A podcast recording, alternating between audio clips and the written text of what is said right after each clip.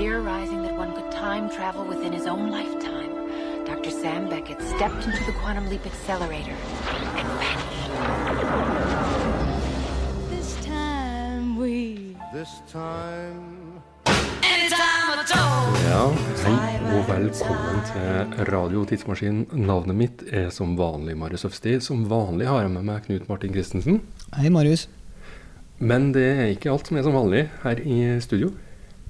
Hva mener du? Det det sitter en fyr ved siden av deg i Skype-vinduet ditt. Det stemmer. Ehm, Marius, du er høygravid. Ja, eller Ranveig, Ranveig din eh, samboer, er høygravid mm. og har termin snart. Og du har sagt at eh, det neste året så er du litt mindre tilgjengelig. Det, det hører jo altså, jeg er studio. Eh, Min del av studio er jo stua mi. Så jeg er jo litt sånn avhengig av at barn legger seg sånn noenlunde i fornuftig, forutsigbar tid for at det her skal fungere. Så jeg ser for meg at det kan bli et vanskelig, vanskelig år eh, neste år. Fast jobb og barn Ja, er nok det det nye inn din. Men eh, hjertelig velkommen, Robert Hoven. Tusen takk. Eh, er du også fast jobb og barn, da. Ja. men eh, mine er bitte litt eldre, så de er litt mer forutsigbare. Eh, det er jo ikke sikkert at han blir det etter hvert, for jeg har kalt dem opp etter to ufyselige engelske rockestjerner. Eh, så vi får se hvordan det går etter hvert, da. Kan jo da droppe ut. Uh, vent litt. Skal vi gjette, Marius? Uh. Jeg tenker på en trommis. Litt jazza trommis. Tenker på Ginger Baker. Ja. Det er et slemt navn. Enten det er Ginger eller Baker. Litt sånn Nei, nei, nei. vanskelige navn. Heldigvis ikke. Heller ikke Ringo. Nei. Nei, han er vel ikke kjent Han er jo for å heller være ikke fyselig. Nei, det, det stemmer. Nei. Ehm, er det han uh, saksofonisten, han norske kjente saksofonisten du har kalt ham opp etter? Han er ganske ufyselig, syns jeg. Han er ikke en britisk rockestjerne, så nei. Det er et poeng. Nei, ok, greit. Han er faktisk ikke Han tror han er en britisk rockestjerne. Det stemmer. Ja, nei, jeg har sønnene uh, Liam og Noel. Liam og Noel, ja. Det er jo to vakre navn og to, to pene gutter. Eh, og vi håper de tar etter på noen områder. Interessant. Eh, du er jo en av våre fastlyttere. Eller du har jo tatt skrittet over. Eh, jeg tenkte egentlig på det, om, om dette er sånn eksempel på fanklubb-presidenter som har tatt over i band. Eh, for jeg husker at det er et par eksempler på det, men jeg klarer ikke å komme på noen av dem i farten. Jeg leste et glimrende eksempel om han som ble bassist i Jamiroquai. Han, eh, han var blodfan av Jamiroquai, og så så han en artikkel Nei, en, en annonse i, i NME hvor, det, hvor det var et eh, Jamiroquai tribute-band som søkte etter ny bassist. Og så sendte han inn en demo til dem, og det drøya med å få svar. Og mens han gikk og venta på svar fra det her Jamiroquai tribute-bandet, så eh, oppdaga han også at Jam- Jamiroquai mangla bassist. Så han ble bassist i Jamiroquai, og så fikk han svar fra tribute-bandet om at han kunne få lov til å komme på audition. så ja, jeg vet ikke. Hvem må, hvem må dere ha rarest hatt? Ja, har han hatt. Ja. Her og der. Eh, Jeg vet ikke om de er så rar, men jeg liker å gå med hatt, stråhatt om sommeren. Det gjør jeg. Ja, så det er du som er han Jay i det her Jamiroquai-orkesteret her. Jeg er nok han nye vokalisten i eh, Er det Eagles som har uh, bytta ut Hvem er det som har bytta ut vokalist? Nå nylig. ACDC har Ja, jo fått så mye ACDC har jo faktisk bytta vokalist nå, har jeg sett. Ja, det var faktisk ikke så dårlig. Det, ja, Det klarte han veldig fint. Mm. Men nok Men- om det. Nok om det. Men uh, Robert, vi vet jo at du, at du eh, liker en del av de tingene som vi liker ganske godt fra før. I det her, særlig det her eh, country-funk-landskapet. Ja, ja. uh, som, som noen av oss er veldig begeistra for. Men eh, har, kommer du med noe nytt? Bidrar du med noe som, som, eh, der vi er er svak fra Hva før? kommer jeg med til bordet? Jo, jeg, jeg er jo annet veldig glad i, i gammel og ny soul. Mhm. Og gammel og ny hiphop. Ja, men det er bra. For at det, det, vi er ærlige på det, Agnit Martin, at vi er hiphop-faglig svak. Faglig. Um, vi er fans, men vi vet ikke så veldig mye. Jeg vet ikke hva vi snakker om. Nei. Eh, og så nevnte du også at jeg er veldig glad i country. Det stemmer jo. Jeg er veldig lite glad i denne hybriden mellom country og hiphop. Som da er Kid Rock og sånne ting. Det er ikke noe bra. Ah, Nei, nå trodde jeg du skulle si eh, Jeg tenkte på, på Yellow Wolf og uh, Yellow Wolf er jo da en slags moderne Kid Rock i mine ører, men uh, Mm. uten å støte noen. Det er greit å like Yellow Wolf. I tre sekunder så trodde jeg at du skulle si at du ikke var så glad i det her uh, americana-sjangeren. Jeg elsker Men amerikaner. eh, jeg skjønte jo fort at Ja. Jeg har ikke noe spennende forhold til Yellow Wolf, heller, men jeg kom over en låt jeg likte ganske godt i denne researchen jeg driver og gjør til drømme-DJ-settet Ja, vi skal det, gjøre. det er greit det, Marius. Det er greit. Men jeg jo, vet jo ikke hva jeg snakker om, for jeg, jeg har jo ikke noe forhold til det her. Jeg liker den crossoveren til eh, Curtis Blow på debutplata hans. Ja. Den Nei, men trucking, eh, eller annet. Unnskyld hvis jeg såra følelsene dine når jeg sa at jeg ikke likte Yellow Wolf. Nei, jeg liker heller ikke Kid Rock. Det skal være ha på det Det er jo naturlig. Mm. Men du har tatt med en låt til oss som, eh, som kanskje verken jeg eller Knut Martin ville ha tatt med. Det kan Nei. vi si. Jeg har tatt med en helt glimrende låt. Eh, Det er jo en, eh, veldig, en ganske ny låt. Den kom som singel i fjor høst. Eh, Det er Chance the Rapper sin 'Angels'. Eh, han kom jo nå for ei uke siden med en helt glimrende ny mixtape, som er hans tredje i rekka, ved navn eh, 'Coloring Book'. Um, den skriver seg jo litt inn i historiebøkene, siden den kun har vært tilgjengelig på streaming, og ikke, som, eh, ikke vært tilgjengelig for salg. Men likevel, da, pga. Billboard sine nye retningslinjer for det her, så kom den da inn på åttendeplass på Billboard sin albumliste. På bakgrunn av 57 millioner streams i løpet av den første uka. Så det er en litt eh, historisk utgivelse, egentlig. Det her har vi snakka litt om før i en eh, tidligere pod, Marius. Det her når eh, de valgte å fjerne Eller å, å, å, å ta med streaming som faktiske salgstall. Og det er en sånn formel der som jeg ikke husker akkurat nå, men 57 millioner streams, Det er en ekvivalent til 38 000 salg. Å, 38 000 salg. Så det er ikke så mange salg som skal til for å få eh, komme på Billboard-listen lenger. Altså. Nei, Uh, hva var det jeg så? At, eh, at uh, Kanye West solgte 25 000 eksemplarer av, av sin Life of Pablo den første uka den lå ut. Oi. Så, så salg er jo ikke en greie lenger, nei. Nei, det, er jo- det ja.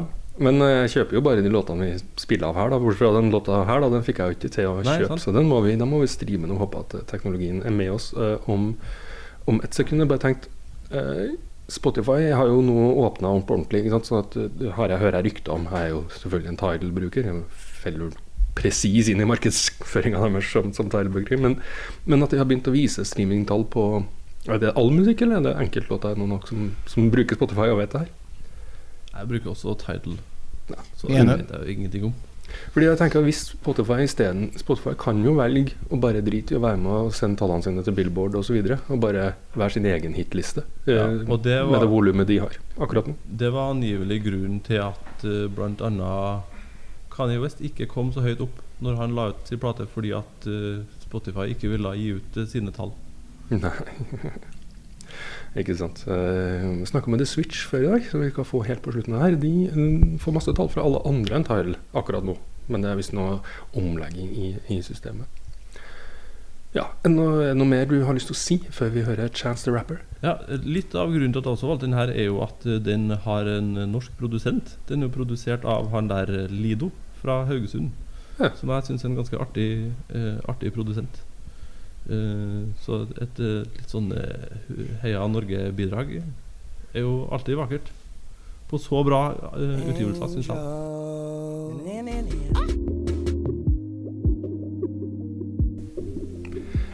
Angels, det, med Chance the Rapper fra Coloring Book, som da er den første låta Robert Hoven noensinne hadde med seg på Radio Tidsmaskin som programleder. Vær så god. Velkommen. Takk, takk, takk. Du, bare fort. Uh, han er Lido har jeg jo hørt om. Ja. Men ikke i så mange år. Nei, han eh, er jo en ganske ung fyr som uh, har gitt ut uh, ei plate eller noe sånt uh, hjem her. Og så har han etter det livnært seg som produsent. Uh, noe jeg syns han gjør ganske bra, da. Han har jo også, var jo også så vidt involvert, så vidt skjønte jeg, på å toucha borti siste Kanye West, 'Life of Pablo'. Det begynner å bli ganske mye norske produsenter som eh, er star etter Stargate. eh, altså. Ja, Det er jo et skudd for baugen for din, eh, din påstand eh, for et par uker siden om at det bare var fordi at eh, vi hørte på, på altså at det skandinaviske streaminga utgjør så stor del av nasjonal, globale streaminga. Jeg Altså tror nok derfor ikke at- norsk jeg musikk tror nok- slående. Jeg tror nok ikke at jeg hadde en påstand som sa at det bare var fordi jeg sier at eh, skandinaviske streamingtall er skyhøy, mm. og derfor er norsk musikk eh, Ja. populær og havner på eh, store lister. Er F.eks. på Spotify, men at det er ene og alene grunn. Det er jo tydelig at det er noe med altså, den skandinaviske smaken som er, er litt i vinden, da. Eh, Det er noe i de her lydbildene som, eh, ja, som mange liker, rett og slett. Og så er det også noe med det, det Knut Martin sier, at, eh, at eh, streamingtallene er veldig høye. Eh, Det fører jo også til at man har veldig mye mer metadata på det her enn man har hatt på tidligere måter folk har hørt på musikk på. Mm. Så man har, man har lettere for å finne, finne diverse connections mellom det folk hører på. Som gjør at, at Jeg vet at Spotify nå driver planlegger å selge denne informasjonen til, til plateselskaper og artister. Mm. For å spisse uh, markedsføring. Det høres egentlig mest skummelt ut. Men uh, samtidig så er det jo ingenting som er bedre enn at på en albumsporet er jo dødt. Det er jo ingen grunn til å lage noen, spille inn noen album, noen låter bare for å fylle opp platene. Andrew Eldridge i Sisters Mercy hadde sånn tirade rundt den når CD-en kom. Altså, hvorfor tror folk at de lager 50% mer bra musikk nå, bare fordi at det er plass til det på CD-en? Uh, ikke at det er et band jeg elsker, men uh, han eh, Per Gesle fra Roxette han, eh, han leste jeg en historie om, hvor han Ja. var produsent for et, eh, et eh, annet svensk band. Eh, og så hadde han da spilt en ny låt for han i studio. Eh, hvor de eh, sier at ja, den her er jo ikke en singel, det her er jo mer et sånn albumspor. Hvor han da kontrer med at ja, men hvorfor søren er den her låta på plata i det hele tatt da? Mm. Oi, ja. Så det, det, det, er, det er bak oss enda godt. Noe, noe godt bringer det her året med seg, selv om det fra et musikalsk perspektiv eh, også er et litt vondt og vanskelig år. Du eh, nevnte her tidligere i uka at du skvatt når du så VG. Jeg var jo ute og tok tog på, på tirsdagsformiddagen og så framsida på VG og så da bildet av Bob Dylan. Og tenkte nei. Han nå. Ja, ikke sant? Eh, Så var det da heldigvis bare fordi at han hadde 75-årsdag. Og sånn kommer det til å være hver gang en kjent musiker er på forsida av en avis i Mm. de neste 30 åra. Ja, ok, de neste 300 årene, for så vidt. da. Men, eh, Vi slipper heldigvis å forholde oss til alle de. Eh, Men eh, det triste er jo at, at eh, den, siden sist vi satt her i studio, vi har jo egentlig gitt opp å på en måte følge med kjente, kjære, gode musikere som går bort i denne podkasten, for den kommer jo bare én gang i uka, og knapt nok det. at vi, vi klarer ikke å holde oss oppdatert. Men vi er jo nødt til å nevne at Guy Clark har forlatt oss. Og da må jeg også ærlig innrømme at jeg trodde at jeg kjente Guy Clark kjempegodt. Jeg. Og så skjønner jeg jo nå at jeg har knapt nok hørt på han i det hele tatt. Bare vært der som et sånt navn som jeg tror, tror jeg vet alt om. Men uh, det må jeg sette meg ned og gjøre i dag. Det er en enorm underskog med, Ja. med låter.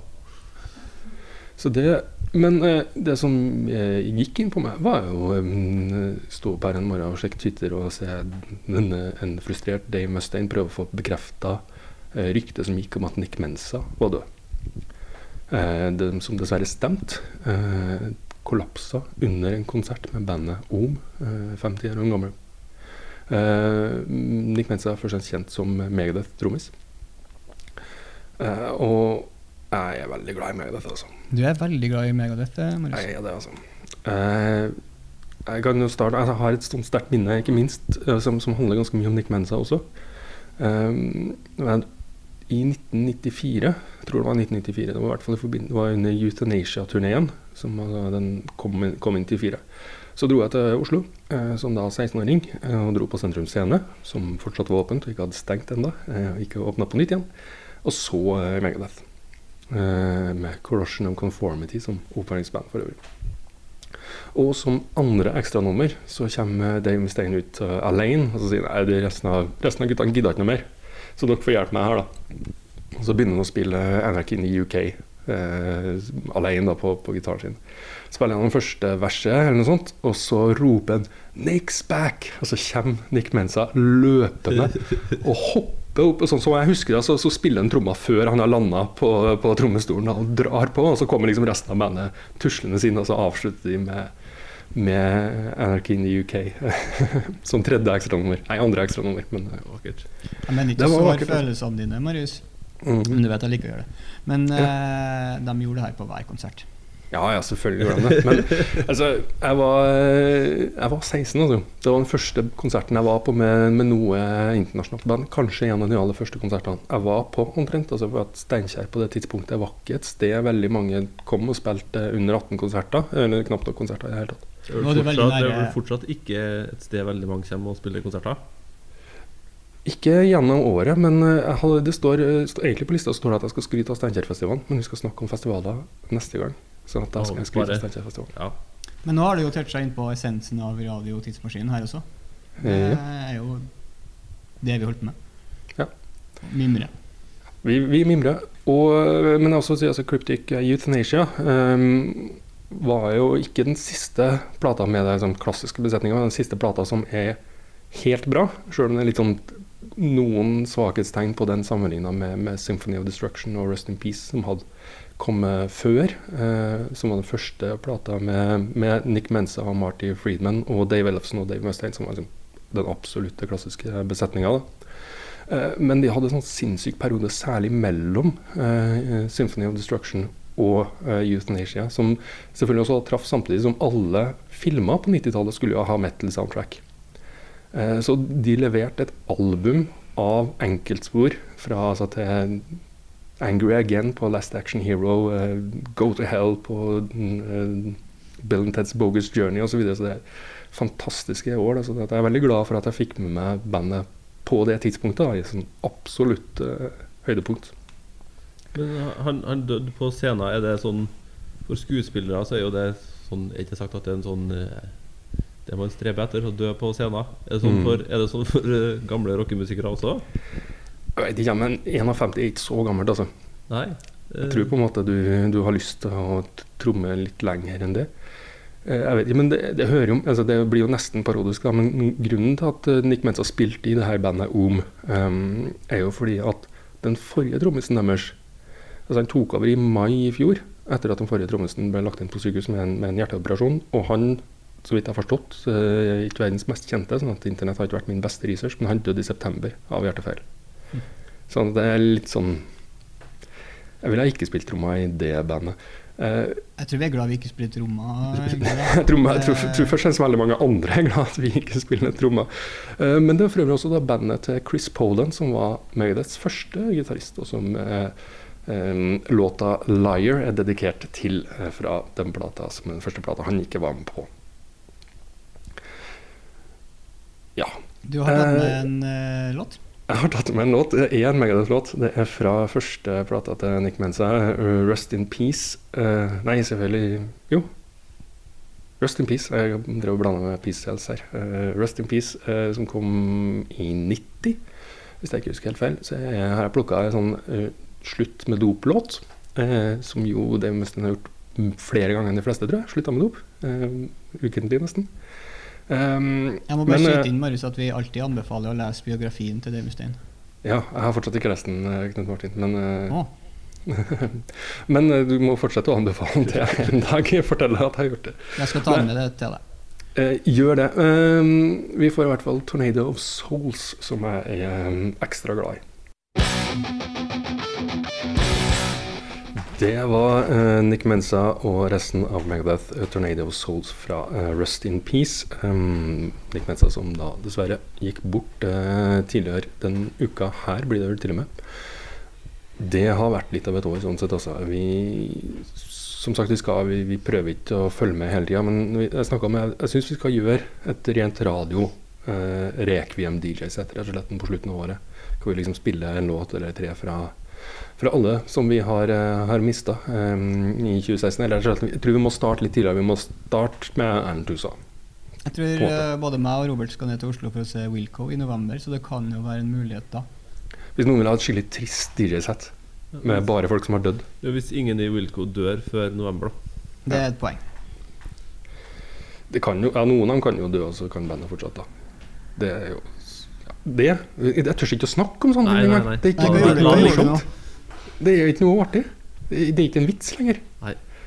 Beklager. Sjekk trekker jeg tilbake. alle sammen. Nei, Jeg skulle nesten til å dra inn en fotballreferanse, men jeg klarte å unngå det. Robert skjønner hva det er. Um, men du, Ja. han har ikke dødd, han har slutta. Ja, det er sant, det. Eh, Det er ikke bare Om eh, som eh, trenger en ny trommis. Motorpsycho trenger en ny trommis. Så vi må ha den obligatoriske 'Hvem bør bli ny trommis' i Motorpsycho-diskusjonen. jeg har søkt. Du har søkt? Ja. Jeg har sagt at jeg er ledig. Ja, da blir det sikkert litt sånn Noen av oss liker jo kanskje Road to Psycho best når de er litt skranglete og litt nedpå, er eller når de lager si popmusikk og sånn. Og det blir nok mer skranglete med deg enn med Kenneth Kapstad. Det vet du ingenting om, Marius. Nei, jeg vet ingenting om. Eh, Jeg har aldri hørt deg spille trommer, det er sant, det. Men eh, de må nok ha en ny en, ja. Ja. Mitt forslag er jo da Håkon Gebhardt. Det er mm, et fint forslag, det. Eh, Og jeg ser for meg at de kan eh, turnere rundt i noen år med musikk som er laga fra 94 til 2002. Poplåtene Poplåtene og indie-rock-låtene. Og slutta jo annet, i hvert fall, fordi at det ble så mye styr. rett og slett. Altså de, på slutten av 2000-tallet, eller starten av 2000-tallet, så var det jo faktisk litt penger i platebransjen, og det var litt sånn drosjer som henta dem og kjørte dem rundt og alt sånt. Det er det jo slutt på nå. Ja, det, er en- Så sånn sett så mener jeg jo mer på linje. ja, det, det har vært en fin match for alle, tror jeg. Mm. Jeg har jo sett eh, spekulasjonene på Twitter går jo i mye jazztrommiser. Og da Ja. sier jeg gud forby. Vi trenger jo ikke at, uh, at Motorpsycho blander det prog-sporet de er med i nå, med jazz. Det kommer jo litt an på altså, Man kalte jo Kenneth Kapstad en jazztrommis da han starta i Søka også. Og Man var en jazztrommis som hadde to metallband. da Jo da. Ja. Men det, Jeg elsker jazztrommiser, men eh, kanskje mer sånn hardbop eh, Jeg 60-talls òg jazztrommiser. elsker jazztrommiser, men jeg ser for meg at det kan bli en veldig eh, pompøs miks. Mm. Et litt kjedelig forslag, eh, men som allikevel er her litt tro på, er Martin Langlia. oi. Kenneth Kapstad og Martin Langlia har bytta band før. Med Ja, helt, band. Han var jo, jo- en av de bedre da han spilte i Gåte. ja, jeg har sett den med Seid nylig. Spille rock i et litt sånn Pragat eh, landskap. Han er en veldig god trommis i Seid, og Seid har litt pause igjen, vet jeg. Selv om det kommer en ny plate straks. Kommer filmmusikk til musikken til filmen 'Vettløvers enke' kommer i løpet av eh, noen måneder. Det er sendt til trykking. Kult. Uh, men i tillegg så kan jo Martin spille popmusikk. Eh, han spiller masse sånn P1 folkepop, og, og ikke minst folkemusikk. Så han har jo et register som jeg kan være like oppimot og hardtslående som, uh, som Kenneth, men, men ikke fullt så hardtslående, og som kanskje ligger mer i et pop-folk eksperimenterende altså Han sånn, han lager noen fine støyting sjøl også. Ja, og Apropos Motorpsycho Pop. Den, den dagen det ble kjent at Kenneth Kapstad ga seg, så uh, satt jeg og surfa gjennom uh, litt sånn siste tiåret med Motorpsycho og, og landa jo til slutt på Black Hole Black Canvas, som er den eh, mest poppa skiva de har gitt ut på kanskje noensinne, med sånn rene tre- og fire minutter av. Og Det er jo ei forbasket bra plate. Ja, jeg har litt av mitt Cake som min eh, Pluss den første liveplata. Fordi at det er det motorsykkelen jeg har møtt, var det livebandet. Jeg ble Eh, hekta som 17-åring av, av Trust Us. Eh, Ja, det er også et vakkert spor. Ja, det er sikkert cirka der jeg har begynt å høre på motorsykkel. om. det er kanskje først og fremst som livebandet. Og det er det jeg ønsker meg mer av alt, er at de skal turnere de platene fra Mm. sein eh, 90-tall. Det har vært flott. Men, men er det fordi at det er det Motorpsycho har behov for, eller fordi at det er, vi, det er det vi har behov for her nå? Det er det vi sitter og ønsker oss? Det var jo essensen i Radio Tidsmaskin. Det, tidsmaskin. Det, jeg- det jeg husker best med Motorpsycho, var sen 90-tall.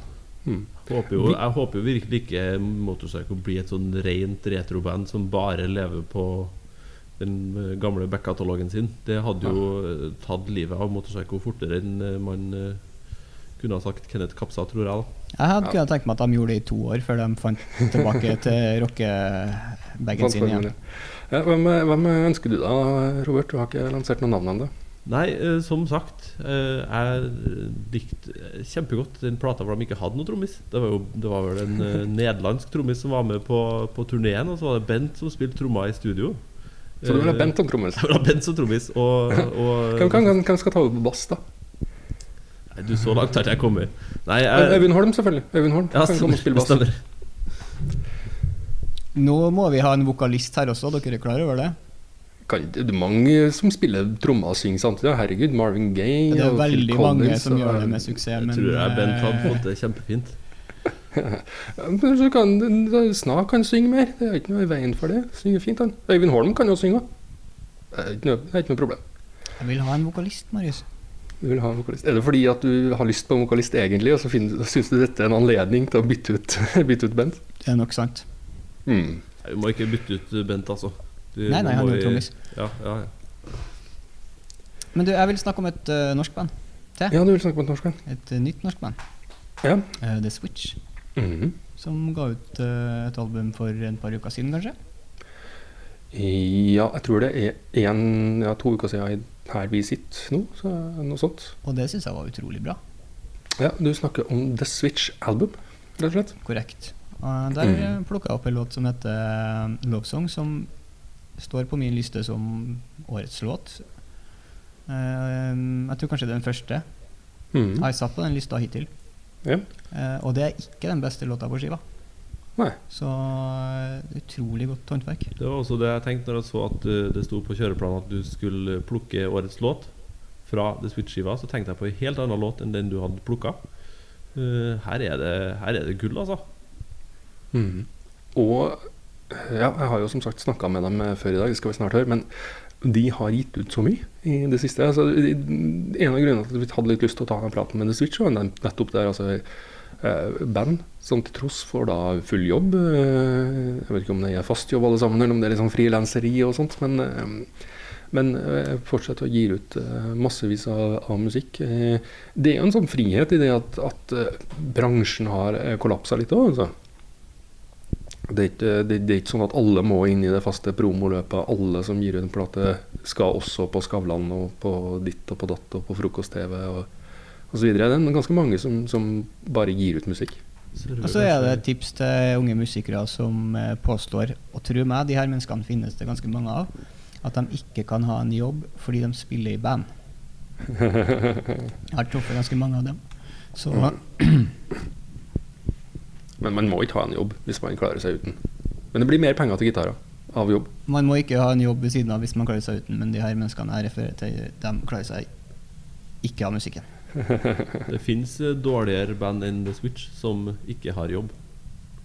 Ja, det gjør det.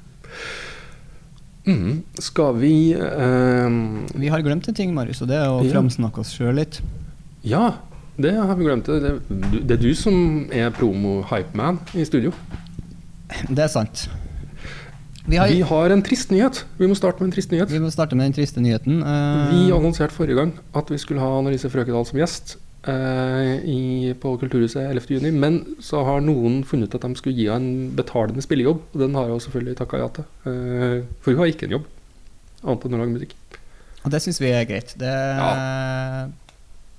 setter vi nesten som et kriterium for at du skal være gjest. At du velger livejobben før eh, oss. Ja, det skulle tatt seg ut. Så, eh, men det blir selvfølgelig en annen gang at vi får eh, Annelise i studio. Fortsatt øverst på ønskelista vår akkurat nå. Men vi har fått inn én erstatter, eh, Knut Martin. Som kanskje er Norges triveligste musiker. Ja, det er godt mulig. Eh, og vi kommer til å bli nødt til å ta noen veldig sånn, viktige prinsipielle avgjørelser. Om vi skal ta med liksom alle mulige band han har skrevet låter for, eller om vi skal konsentrere oss med band han har spilt i eller produsert for. Eh, for det er rett og slett Martin Hagfors. Eh, og den mannen har gjort mye, altså. Herre min hatt. Jeg tror nok vi skal plukke med en del av hans produsentjobber også, for det er mye spennende her. Ja, det er veldig mye spennende. Så eh, 11. juni på, eh, eh, på Kulturhuset i Oslo så skal vi da først gjøre en eh, totimers sending med eh, Martin Harfors. Han har ikke plukka eh, år enda, eh, fordi at han lanserer en plate i morgen, dvs. Si i går. eh, fredag 27. juni. Mai, mener jeg. Så kom det en ny eh, meg og kameraten min-plate. Den er sikkert kjempebra. Så den, eh, den må alle sammen høre på. Men eh, vi skal nok få Martin til å plukke seg et år eh, ganske snart. Så det blir spennende. Så møt opp. Vi blir kjempeglade for det. Mm. Um, 11. juni på Kulturhuset. Klokka Oh. 17.30. Det er litt sånn innimellom noen fotball-EM, eh, men det er stort sett bare kjedelige kamper som går den dagen. Kan jeg si, for jeg syns jo i utgangspunktet at fotball er kjedelig. Ja, det er veldig tidlig i mesterskapet også. Ja, det er liksom Albania mot Sveits og sånn. Ja, det er ingenting som avgjøres den 11. juni. Vi gir bedre underholdning enn Albania og Sveits, det kan vi faktisk garantere for. Men etter at all fotballen er over, så skal vi spille plata. Da skal vi spille, vi har kalt et sett for Radio Tidsmaskin i drømmeland. Så vi skal spille eh, låter som har med drøm å gjøre. Eh, med i betydningen bare drøm, eller i betydningen ambisjon.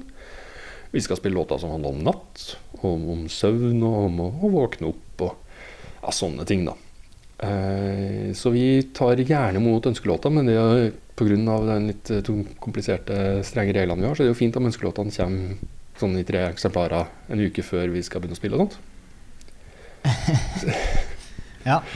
Ja, det er jo litt sånn, Du kan jo, kom, du kan jo komme opp til DJ-boden når vi spiller og ønske deg en låt, og vi er alltid villige til å høre på det, men det, men det kan jo være sånn Ja, den må handle om drøm, og den er fra seint 70-tall, Vi kan, si hvis du skal ha den på nå. vi kan si at de tre første som kommer opp med en brent CD med én låt på, forklarer hvorfor de har tatt den med, de får en øl av oss. Men du lover ikke å spille låta. Eh, nei, nei.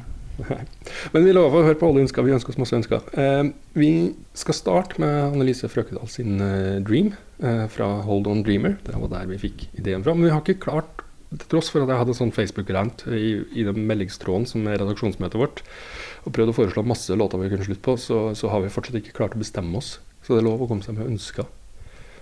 Eh, Jeg hadde jo lenge tenkt at det kanskje er 'Night in Tunisia', en av de mange fine innspillingene av den, kunne fungere som siste låt. Men så hørte jeg Chet Atkins sin uh, 'Mr. Sandman', uh, og tenkte 'Å, wow, det var fint', kanskje vi kunne slutta på den. Og da er vi ute på 40-tallet et sted, så det er fortsatt mulig å påvirke eh, hva siste låta skal bli også. Um, veis ende. Men vi skal spille Switch, og vi skal spille av et opptak du har gjort med to av guttene. Som får lånt tidsmaskinen vår. Eh, de, jeg kan avsløre foreløpig at de har med den uh, musikeren som Det blir feil å si eldste musikeren når du har en tidsmaskin, men du kan ta den musikeren som er født først av alle til nå. Oi. Mm. Så det blir spennende. Uh, men før vi kommer så langt, uh, Love Song med The Switch. Eh, velkommen om bord, Robert. Vi gleder, til å ha deg med, gleder oss til å ha deg med videre. Veldig gøy å få være med. Mm. Takk for uh, nå. Uh, nå gir vi ordet til The Switch, først i albumsform, og så uh, i opptak. Um, Love Song fra The Switch sin The Switch Album. Eh, årets låt så langt, ifølge Knut Martin. Det, det er jo ikke så verst. Nei, det er jo fantastisk å høre. Kjempehyggelig. Ja, nå har vi reist et lite hopp i tid, og vi sitter, jeg sitter her med Thomas og Philip fra The, fra The Switch. Eh, gratulerer med enda en plate, får jeg si. Tusen takk for det. Ja, tusen takk. Og, og, og det er jo ikke bare tilfeldig å si enda en plate, for dere har jo Hvor mange plater har det blitt på hvor mange år nå? Vi har, altså The Switch-album er vår fjerde utgivelse siden våren 2014. Så fire på to år er vel eh, Ja. tempo hittil. Mm. hvor, hvorfor og hvordan det? Eh, Det er verdt å nevne at den første av de fire Da hadde vi jo brukt et par år på den, på en måte. Den som kom eh, april for to år siden. Ja. Så mm, Men etter det, så da vi var Siden vi hadde brukt såpass lang tid på den, så helt på tampen, når liksom eh, ting var i ferd med å sendes i trykkeriet, så fikk vi en ny idé, som var den som heter Be for the Beast. Og, og da eh, Vi var iallfall jævlig sultne da, på tampen av et sånt annet prosjekt, så da var det sånn Vi kasta oss over det. Og eh, var vel basically ferdig et halvt år seinere med hele skiten. Ja. Og etter det så måtte vi avreagere litt fra det igjen, så da kom det en ny ting. Det er liksom eh, følelsen man sitter igjen med sånn i den siste opp på oppløpssida, når man eh, skal gjøre ferdig et album og alt er spilt inn og man skal begynne å jobbe med promo og sånn, så føles det litt sånn tomt å ikke jobbe med, med noe musikk. Og vi er jo veldig glad i å jobbe i studio. Så det blir veldig naturlig å starte på et prosjekt eh, med en gang man er ferdig med noe. Rett og slett bare for å holde på, for vi elsker å, å spille inn musikk. Da er det dumt å ikke gjøre det, egentlig, syns jeg. Jeg tenkte, altså, En av de kanskje mest interessante tingene med den punks-dokumentaren, var den si, i, i innså hvor altså At man måtte gi ut plater for å bli lagt merke til i det hele tatt. Fordi det var ingen som skrev om det, og ingen som snakka om det. Nå er det jo riktignok mange som skriver om det, men det er jo nesten ikke vanskelig å bli lagt merke til igjen. Ja. Det er, eh, det er litt det også. Sånn vi, vi kjenner at for hver ting vi gjør og vi gir ut, så blir det litt mer. Og nå har vi jo liksom en, en Vi har masse låter, måte, så det er ikke noe poeng å stoppe opp ennå. fall. Jeg husker at, en av de da vi um, var i ferd med å gi ut den første skiva, og lurte på liksom hvor mye er det folk kommer til å skrive om det, eller legge merke til det. For det er klart at det var bare sånn harmonirik poprock, liksom. Det, det, var, det, det er ikke lyden av 2016, og det var ikke lyden av 2014 heller, på en måte. Så hvor- hvor- hvorfor skal folk bry seg litt ekstra om oss? Vel, OK, hva, hva er det vi gjør? Vi, vi lager mye musikk, da, men så lenge så lenge vi ikke hadde gitt ut mer, så var det jo bare vi som satt og visste det. Så vi var nesten nødt til å bare, bare sette opp tempoet litt for å liksom gi folk anledning til å skjønne litt hva prosjektet vårt er. da. Det er ikke sånn konseptuelt referanse til 1967 der alle band ga ut en to-tre plater i året.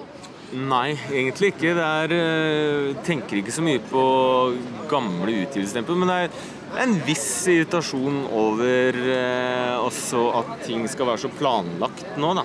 At man skal liksom når man, Først skal man gjøre, spille inn, og så skal man ha et langt promoløp, og så er det liksom Det er masse mekanismer da, som man føler som musikkbransjen har liksom lagt seg til, eh, som eh, vi egentlig ikke er helt enig i, da. Som, og det ikke nødvendigvis blir noe bedre musikk av det. Så vi må nesten bare følge vårt eget tempo. Så vi gjør så mye vi klarer. Vi har jo eh, for et par uker siden lansert vår tese om at, eh, at indie, eh, altså fast jobb er det nye, nye indie. Og det handler kanskje litt om at vi ser jo at en del av de musikerne som, som vi liker, som gir ut masse plater og som har, har jobb ved siden av, at det kanskje det er jo litt fri, fristilt fra det promoarbeidet. da, så Man er kanskje ikke så avhengig av å melke maks ut av hver eneste utgivelse sånn økonomisk, for det er uansett en, en annen jobb som tjener pengene. Ja, altså det, jeg tror definitivt for vår del så er det på en måte Vi har lyst til å øke litt for hver gang, på en måte. Sånn der, det, er, det er gøy om flere hører på oss, men økonomisk sett så er det på en måte å tjene nok til at man bare kan fortsette å gi ut, er liksom egentlig Det er suksesskriteriet, da, på en eller annen måte. Og det, den- cirka der er vi. Sånn Ja, det at den forrige plata betaler for den neste, det er det vi, eh, det er der vi ligger nå, i hvert fall. da. Men jeg har tenkt på det der med uh, det, I forbindelse med å liksom eh, starte eget plateselskap og sånn, sånn så tror jeg ikke uavhengighet i seg selv er egentlig ikke noe som jeg har tenkt sånn veldig mye på at det er en verdi i seg selv, men det der med å bare ha friheten til å lage musikk hele tiden.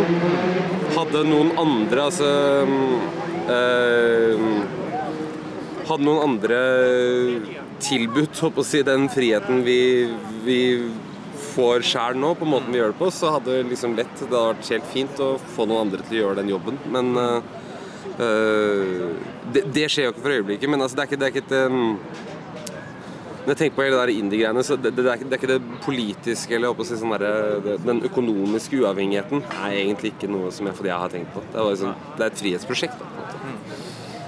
Og um, den jobben jeg har, gjør jo også at vi har mulighet for å gi ut skiver ofte, for jeg jobber på et, eh, et lydfirma. Og vi bruker demorommet der som vårt eget studio, som hjemmestudio på en måte, med bra utstyr og tilgjengelighet i helger. Så det gjelder bare å gå på jobben hver eneste dag, hele uka. Bare opp om morgenen, komme seg på jobben. Så jobber vi med logistikk mandag til fredag, og så jobber vi med skive lørdag og søndag. Så i vårt tilfelle så er egentlig jobben er det nye major-labelet, faktisk. egentlig.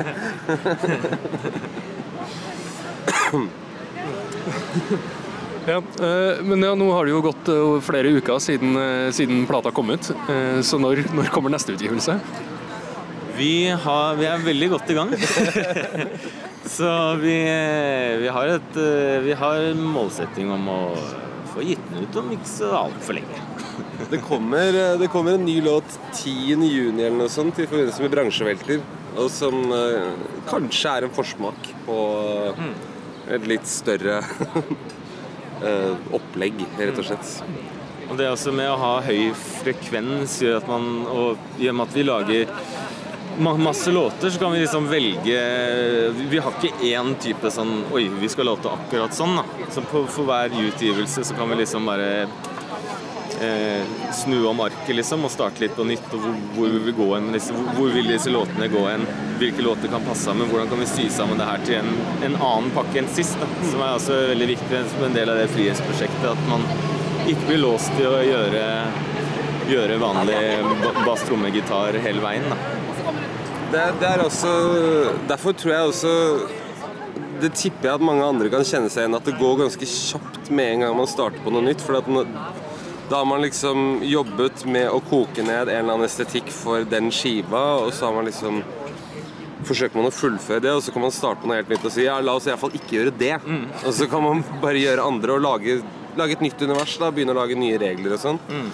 Og så seks måneder seinere så er det akkurat like Så må man jobbe akkurat like strengt og konseptuelt med det også, men de første syv ukene, holdt jeg på å si, da er det jo bare Det kommer bare gå fullstendig berserk, rett og slett. Ja, men, eh, men dette er jo en, en tidsmaskin, eh, så nå eh, nå kommer spørsmålet, egentlig, eh, som, som alle våre gjester får. Eh, hvis du får låne tidsmaskinen vår og dra på én konsert eller musikkbegivenhet, når og hvor som helst, hvor vil du dra da? Da har jeg tenkt på å dra på uroppføringa til eh, Vårofre. Fordi det er så mye historie rundt det, og jeg husker jeg gikk på, på Foss rett eh, over elva her, så var det en sånn der, noe som jeg tenkte på, jøss, det må ha vært veldig, veldig sprø opplevelse å være på. Med, med, med ganske sånn steile fronter eh, for og imot, og masse kaos i salen og kasting av ting. Og, og så er det også noe som ikke fins på eh, opptak og, og video eller noen ting. Det er så mye kult som eh, ligger på YouTube, men eh, den tingen der skulle gjerne ha, ha, vært med på, rett og slett. Men var ikke det antageligvis en ganske dårlig Det var sikkert helt, fremføring av vårofre? Det var mest Stravinskij gjorde masse endringer. Ja, ja. Bare, Dette funker ikke. Det er mest for å bare sjekke ut stemninga, egentlig. Ja, eh, Thomas vil altså se eh, Vårofre. Eh, du, Filip? Ja, Nå ble jeg egentlig veldig i tvil om mitt eget valg, men jeg tenkte at jeg bare skulle ta en konsert jeg har hørt ganske mye på. Og som er Miles Davis på Fillmore East 7. mars 1970. Hvor han varmer opp for av alle ting Neil Young og med Crazy Horse og Steve Miller Band. Som også er på Og jeg har for hørt Jeg sjekka ut Neil Young-konserten også, men jeg har ikke hørt Steve Miller delen av showet, men der skulle gjerne vært de, de to settene. Wayne Shorters siste konsert med Miles.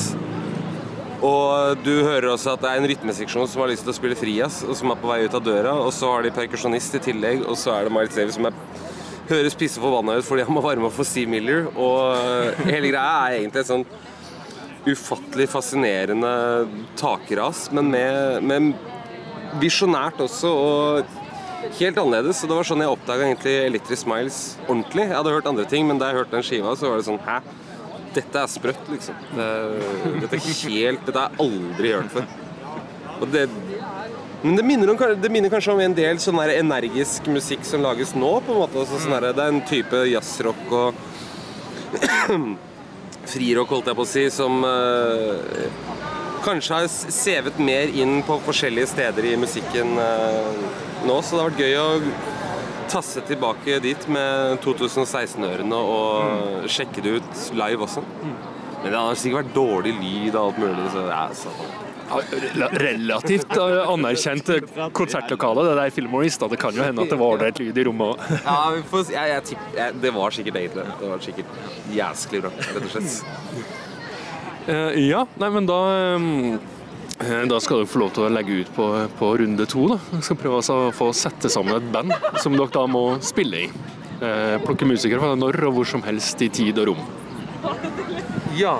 eh, vi, vi starta med Mingus på bass. Ja.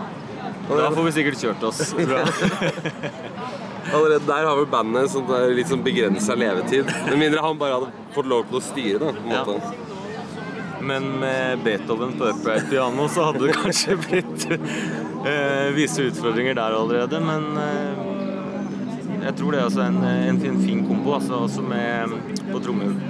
Uh, jo, Hal, Hal Blaine fra Wrecking Crew og sånn på trommer. Bare for å holde det sammen. Eh, og så Brecker-brødrene, Randy og Michael Brecker, på henholdsvis trompet og saksofon. Men så kom jeg på at vi må Vi kan ikke Det- ble litt sånn Ja, der, ja. Det ble litt sånn gubbete. Kanskje. Bra, men én dame iallfall. Ja. Um, Carla Bley, sånn? Ta med Carla Bley og Joni Mitchell. Hun John. Kjenner jo allerede Mingus. Ja, ja. Så det blir bra. ja. Da har vi limet. Ja. da har vi en gjeng. Ja.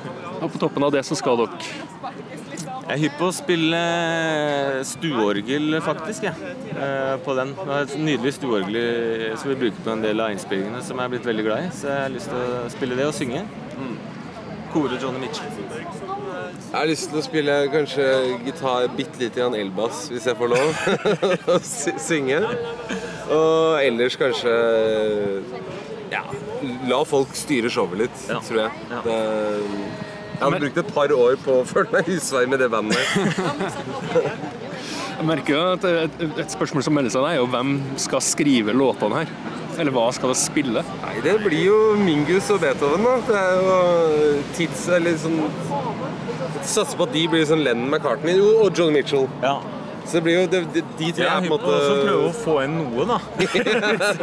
Jeg må i hvert fall prøve. Det hadde vært morsomt å prøve å vise, vise noen av låtene mine til de, de folka der. Se hva som hadde, hadde skjedd da.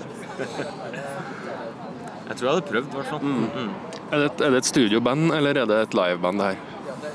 er, ehm, Jeg tror kanskje Beethoven er litt sånn som eh, Brian Wilson, som ikke nødvendigvis eh, helt klarer å komme seg ut. Eh, det var jo Han var jo Ja, han hadde et vanskelig liv, rett og slett. Så jeg tror ikke Kanskje han blir hjemme, men altså Mingus og Hal Blaine og sånn, de skal ut på veien. Altså. Det er noe voldsomt. I hvert fall Mingus.